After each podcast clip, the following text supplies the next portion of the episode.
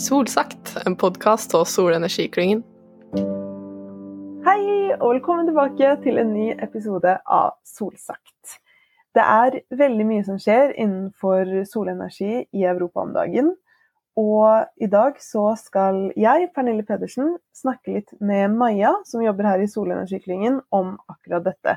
Hun har veldig god oversikt over alt som skjer eh, med sol i Europa. Og denne bransjen er jo i enorm utvikling, og det skjer mye på liten tid. Så jeg skal derfor spørre Maja litt om akkurat hva det er som skjer nå, hvorfor situasjonen er som den er, og hva det lønner seg å følge med på i tiden som kommer. Så da tenker jeg vi bare setter i gang og ønsker Maja velkommen. Hei, hei. Mitt navn er Maja Busch Sevelsen, og jeg jobber som EU-rådgiver i Solenergiklyngen. Eh, det har jeg gjort siden mai 2020, så ganske akkurat to år siden jeg starta. Det eh, har vært en bratt læringskurve for å lære seg solbransjen, men eh, det begynner å komme seg. Det er godt å høre. Jeg tenker Vi kan begynne litt med hvordan det står til med sol i Europa i dag. Så hvordan, hvordan går det egentlig med det europeiske markedet? Er det noe europeisk produksjon? Og hva er planene fremover? Ja, det er faktisk noe produksjon, men tallene er dessverre ikke sånn veldig fine å se på. Eh, det gjelder ikke bare solceller, men òg komponentene som skal til for å lage dem, så det vil si egentlig langs hele verdikjeden. Um, I 2020 så sto Europa for bare 11% av den globale silisiumproduksjonen. Uh, I rene tall så er det rundt 22 gigawatt produksjonskapasitet. Og det står enda verre til i et par av de andre segmentene. For ingot- og Wafer-produksjonen så ligger Europa på kun 1 eh, Og det er hovedsakelig norske produsenter som ligger bak det tallet. Det er Norcem og Norwegian Crystals. Eh, og innen solceller så har Europa bare 0,4% av markedet, og modulproduksjonen har vi 3% av markedet. Så, så det, er ikke, det, er ikke, fantastisk. På på invertersida så har vi rundt 25 da, så det er litt bedre. men for å sette det i en kontekst, så installerte altså Europa rundt 15% av all PV i verden i 2020. Så det er åpenbart at det trengs en større produksjonskapasitet inhouse for å sørge for framtidig energisikkerhet, egentlig. Eh, og når det kommer til penger, så har det faktisk ført til et totalt handelsunderskudd på rundt 7 milliarder euro for celler og moduler i Europa bare i 2020. Så det, det er jo helt sinnssykt, egentlig. Um, og den strategiske rollen som den europeiske solindustrien faktisk har, har ikke blitt egentlig innsett før ganske nylig. Uh, og hvis man ikke gjør noe, så står faktisk Europa i fare for å bytte en, en gassimportavhengighet uh, til Russland mot en langsiktig eh, importavhengighet av Kina på, på hardware og råmaterialer eh, som man trenger til, til solindustrien. Eh, men det skal EU ha, da. Når de først skjønner tegninga, så, så kasta det ikke bort noe tid. Så med de nylig lanserte ambisjonene og planene gjennom eh, det som EU kaller Repower EU, så vil ting skje fryktelig raskt fremover, og da gjelder det egentlig for Norge å klare å henge på. Det er jo lett å si at vi burde produsere solceller i Europa, men er det egentlig noe potensial for det? Hvilke muligheter er det som faktisk ligger der? Ja, absolutt. Potensialet er veldig stort hvis man virkelig satser på det, og det ser det ut som EU har tenkt å gjøre. Eh, og gjennom sin solstrategi og tilhørende PV Industry Alliance, eh, som de kom med nå i mai, så har EU satt mål om 20 gigawatt produksjonskapasitet innen 2025. Det er jo bare tre år til. Eh, og med potensial for langt mer i 2030. Eh, og det europeiske industrinettverket European Solar Manufacturing Council, som Solenergiklyngen er medlem av, eh, de har sagt at EU burde produsere 75% av det som installeres her. For å frigjøre seg fra avhengigheten av Asia. da. Men helt sånn konkret så er det for tida 14 prosjekt i pipeline i Europa eh, i dag som dekker hele verdikjeden fra ingots og wafera til celler og moduler. Eh, men ikke alle de har nødvendigvis sikra finansiering ennå, men det, det, det, skjer ting. Eh, noen av de vi vet om er f.eks. Meierburger sine planer om eh, to nye produksjonslokaler med årlig kapasitet på 0,8 gigawatt for celler og moduler. Eh, og de har òg annonsert planer om å ekspandere opp til 5 gigawatt innen 2026. Eh, Vi har Nordsjøen i Norge, som er altså de er jo norsk. De har økt sin produksjon fra 0,45 gigawatt til 1 gigawatt, og skal òg ekspandere til opp mellom 4 og 5 eh, innen 2024 i Årdal. Eh, og Et siste eksempel er f.eks. NL Green Power, som òg har store planer og har mottatt ganske betydelige EU-midler for å gjennomføre dem. Eh, de vant bl.a. fram gjennom EUs innovasjonsfond i 2021 og bruker da de midlene til å skalere opp sin celle- og modulfabrikk i Italia til, fra 200 megawatt til 3 gigawatt. Så det er ganske enorm eh, investering. Det, var, det er snakk om 600 millioner euro. Eh, og så har de fått over 118 millioner euro fra EU. Så de skal opp i full kapasitet innen 2024. Så når det kommer til mulighetene, så er det helt klart at det ligger noen strategiske fordeler i å reetablere eh, det her til å bli Altså det handler om energisikkerheten i Europa, med mindre avhengighet av import. Og her er egentlig solenergi nøkkelen, og det har EU skjønt. Eh, hjemmemarkedet for solenergi er stort og vil fortsette å ha en massiv vekst de neste årene. Og det vil skape tusenvis av jobber langs hele verdikjeden, eh, i tillegg til de jobbene som kommer rundt når man får så stor eh, produksjon innenlands. Så og I tillegg så er jo europeisk produksjon mer bærekraftig enn den dagens kinesiske. Vi har en grønnere energimiks. Kina bruker i hovedsak kål i sin produksjon, og vi har, et, eh, og vi har, vi har grønt. Eh, vi har òg et større fokus på innovasjon og sirkularitet i industrien, som gjør at våre produsenter blir mer kostnadseffektive etter hvert. Og ikke minst så er Europa ledende på know-how i forskning og utvikling innenfor solteknologi. Så PV Made in Europe, som, som vi kaller det, vil fraktes over langt kortere avstander, naturlig nok, og få en fordel med lavere transportkostnader. Eh, og for moduler så vel som for andre komponenter så har den kostnaden faktisk allerede økt med over 10 eh, Og drivstoffprisene og CO2-prisene har ikke akkurat gått ned de siste årene. så så hvis de her prisene fortsetter å øke, så vil kostnadsfaktoren bli enda mer relevant på, på transport i årene framover. Og I tillegg så ser vi potensialet for konkurransefortrinn for europeisk solproduksjon, som har dukka opp gjennom de nye og mer innovative måtene å bygge ut sol på gjennom integrerte system. Både bygningsintegrert sol, flytende sol og Agri-PV, som er en sol i kombinasjon med landbruk, er på full vei inn i solmarkedet, og de vokser ganske raskt. Og de her systemene krever en større grad av tilpasning og vil derfor føre til et konkurransefortrinn for europeiske produsenter etter hvert, forhåpentligvis. Så min konklusjon her er at europeisk produksjon faktisk gir mening, og at det er nå som er tida for å reinvestere i den europeiske solindustrien. Altså. Det er jo veldig gøy å høre. Men eh, har vi noe tilgang på eh, de nødvendige råmaterialene lokalt her i Europa, eller er det ting som fortsatt må importeres? Det er nok fremdeles et behov for å, for å importere en stund, men, men vi, har, vi, har, tilgang på mye. Og Norge har tilgang på mye, sånn at uh, det er absolutt uh, muligheter på sikt her. Men, men, uh, men som, som er nevnt i stad, med de tallene på hva vi faktisk har av produksjonskapasitet, så er det selv om EU skrur opp farten og ting går fort, så er det fremdeles noen år igjen med litt avhengighet av andre, andre verdensdeler. Altså. Mm, skjønner. Eh, Norge har jo tilgang på mye silisium, som du sier, og har jo vært en eh, solnasjon eh, tidligere. Hva skjedde egentlig med den utviklingen? Ja, det stemmer jo det. For 15-20 år siden så skjedde veldig mye spennende i norsk solindustri. Før det dessverre sa ganske bråstopp for veldig mange i 2012. Og det var ikke bare egentlig i Norge som det ble satsa på sol, men andre land i Europa var òg med på på den reisen, bl.a. Tyskland, som identifiserte som en bransje å satse på, og dermed putta ganske mye penger inn. Eh, et tiår senere så ble det litt for heftig konkurranse med asiatisk solindustri, primært kinesisk, og det førte til et ekstremt prisfall på solceller, og det aller meste av europeisk solcelleindustri måtte faktisk bare kaste inn håndkleet. Eh, og det var også sant for den norske solindustrien. De opplevde krise og flere store konkurser, men, men ved å stole på en lang kompetanse fra kraftkrevende industri i kombinasjon med noen naturgitte fortrinn, så, så, klarte vi oss faktisk langt bedre enn våre konkurrenter i Europa. Og Resultatet er at Norge i dag, som et av få land i Europa, fortsatt har en eksisterende industri som leverer både materialer og komponenter til, til en global solbransje. Mm. Men hvordan kan man sørge for at disse europeiske solcellene da blir eh, konkurransedyktige mot det som produseres i dag?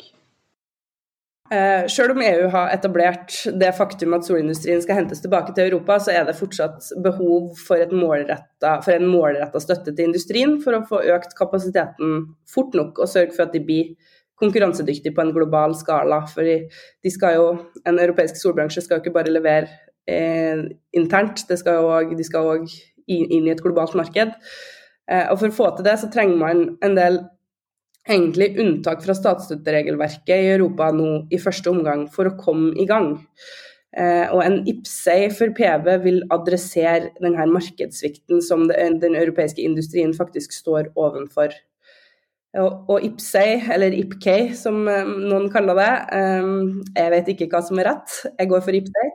Eh, det står for Important Project of Common European Interest, og det er et EU-virkemiddel som fritar EUs medlemsland og EØS-landene som Norge, hvis vi vil, vil delta, fra statsstøtteregelverket, sånn at man kan gå inn med en større målretta støtte mot en industri. Kall det gjerne aktiv næringspolitikk, om du vil. Gjenkjennbart fra Ap og Sp sin regjeringsplattform. Eh, men europeisk solindustri har i hvert fall sjøl tatt initiativ til å få satt opp en sånn her IPSEI, og EU-kommisjonen har uttrykt sin støtte eh, gjennom sin nye solstrategi, som ble publisert som en del av Repower EU-pakken 18. mai. Og, og denne IPSEN skal adressere de viktigste markedssviktene for den europeiske PV-industrien. Så målet er å sørge for minst 20 gigawatt med bærekraftig og konkurransedyktig PV-produksjon i Europa langs hele verdikjeden innen 2025. Eh, og de ønsker òg en oppskalering til minst 100 gigawatt innen 2030. Så IPSEN skal da støtte innovative solcelleproduksjonsteknologier og bistå med raskere kommersialisering og oppskalering av kapasiteten. Det skal da sikre den langsiktige konkurranseevnen for europeisk PV-produksjon. Og Grunnen til at jeg nevner det, er fordi at det nå er ganske viktig at Norge kjenner sin besøkelsestid og støtter dette initiativet offisielt. Og med det så mener jeg at eh, de må komme med bidrag fra det norske statsbudsjettet. Greia med NIPSE er at det er medlemslandene sjøl som går inn med penger, og ikke EU. og Dermed så er det nødvendig med at Norge bidrar, eh, hvis norske aktører skal ha muligheten til å delta og bidra inn her. Og Allerede så har fem europeiske land slutta seg til, og initiativet har fått nok støtte i EU sine medlemsland til å gå gjennom. Og vi er redd for at dette toget går uten Norge, sånn som det skjedde da IPSE for batteri ble oppretta for noen år tilbake. Prosessen her går fryktelig fort, og med målsetningene som ble publisert i Repower EU 18. mai, så vil det gå enda raskere framover. Og hvis ikke Norge slutter seg til IPSEI for PV i tide, så vil norsk solkraftindustri og norske industriarbeidsplasser tape stort. Så poenget mitt er at egentlig den norske solindustrien står i en fantastisk posisjon til å levere inn i denne satsinga på en skala som er vesentlig uansett hvordan perspektiv du tar. Om du snakker om sysselsetting, økonomi, eksport, energisikkerhet, energi, utslippskutt. Uansett så kan norsk eh, industri levere. Og norsk silisiumindustri er en viktig brikke som Europa mangler i denne verdikjeden. Eh, F.eks. så har REC de siste årene gått gjennom en storstilt omstilling og tatt begynnende markedsposisjoner internasjonalt ved hjelp av resirkulert curve, som i praksis er verdens mest bærekraftige silisium til solceller. Så vi er, på enkelte områder er vi faktisk verdensledende. Og til forskjell fra de fleste andre landene i Europa, så har som sagt Norge en eksisterende solindustri som leverer både materialer og komponenter til et globalt marked. Flesteparten av verdens solceller er basert på silisium, og Norge har en lang historie med både utvinning og foredling av silisium i vår kraftkrevende industri.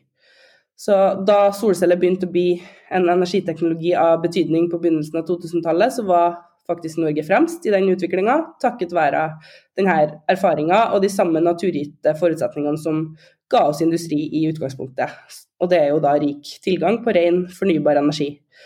Det er jo litt i spill for tida, men eh, vi må tro og håpe at vi klarer å komme tilbake dit.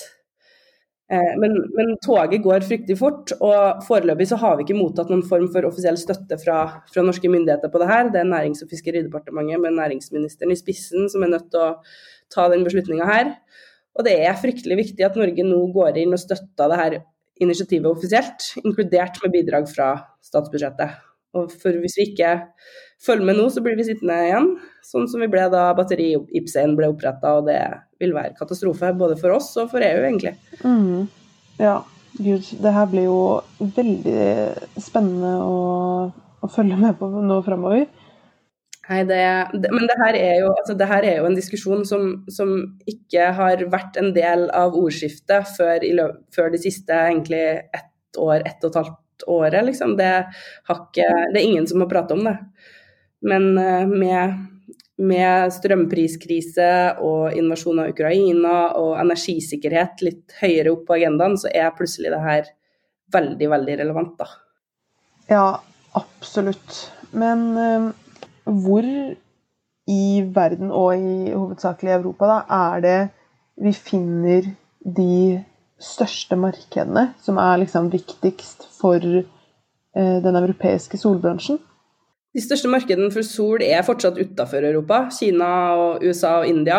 Men det skjer ting i Europa, og sol, som jeg har sagt, vokser fryktelig fort. Og det vil ikke akkurat gå ned med de målene som kom i Repower EU. I 2021 så, så vokste sol med 34% i Europa og nådde en kapasitet på 165 gigawatt. Uh, og det er 136% mer enn det som ble bygd ut av teknologi nummer to uh, i Europa, som er vind. Og det er òg mer enn all annen fornybar energi, fossil energi og kjernekraftkapasitet til sammen i 2021.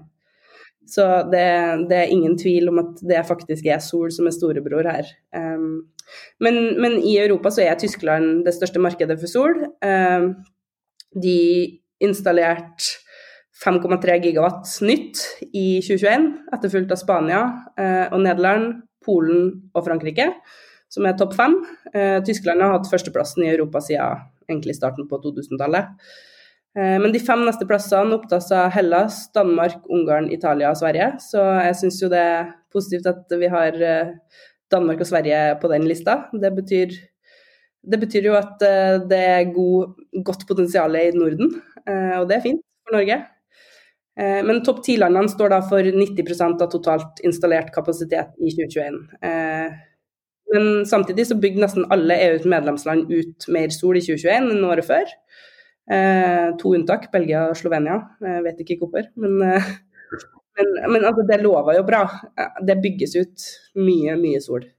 Så oppsummert så har 2021 og begynnelsen på 2022 vært gode år for den europeiske solbransjen, på tross av utfordrende markedsforhold pga. covid og sånn, og forsyningsutfordringer langs verdikjeden.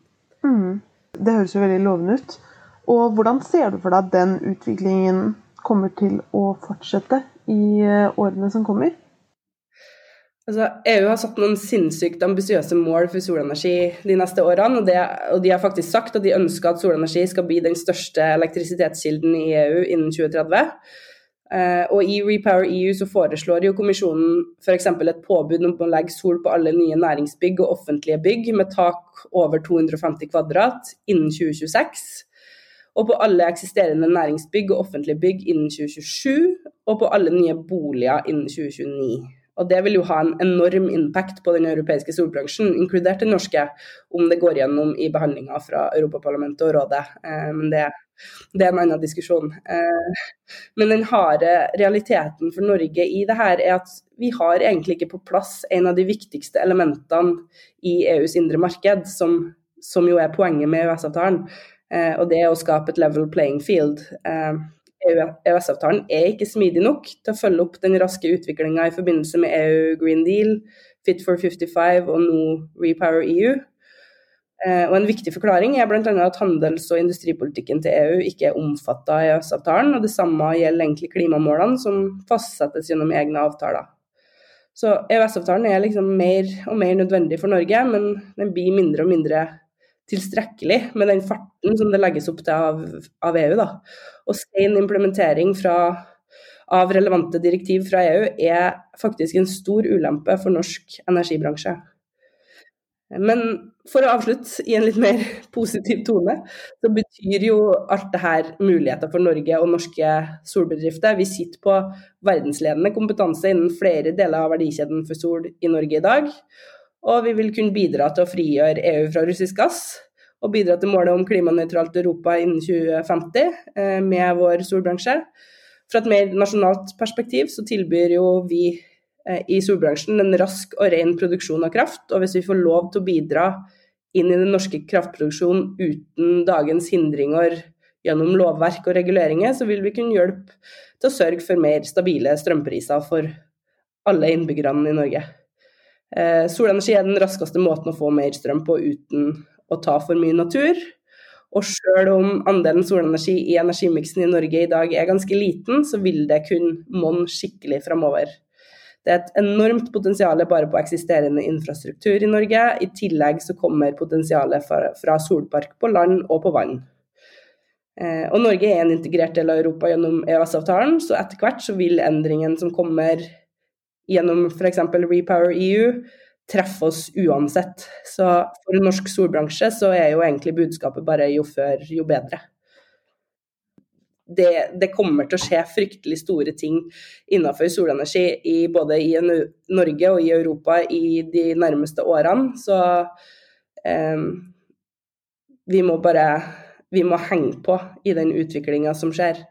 Og for å få til det, så trenger vi Altså, solbransjen er en bransje som ikke trenger subsidier, trenger ikke noe, noe, særlig støtte, med unntak av det som er sagt nå på IPSEI for å hente produksjonskapasitet tilbake. Men, men vi trenger litt drahjelp fra, fra norske myndigheter, altså. Så hjelp oss å, å spre budskapet. Det, det må være mitt siste ord her.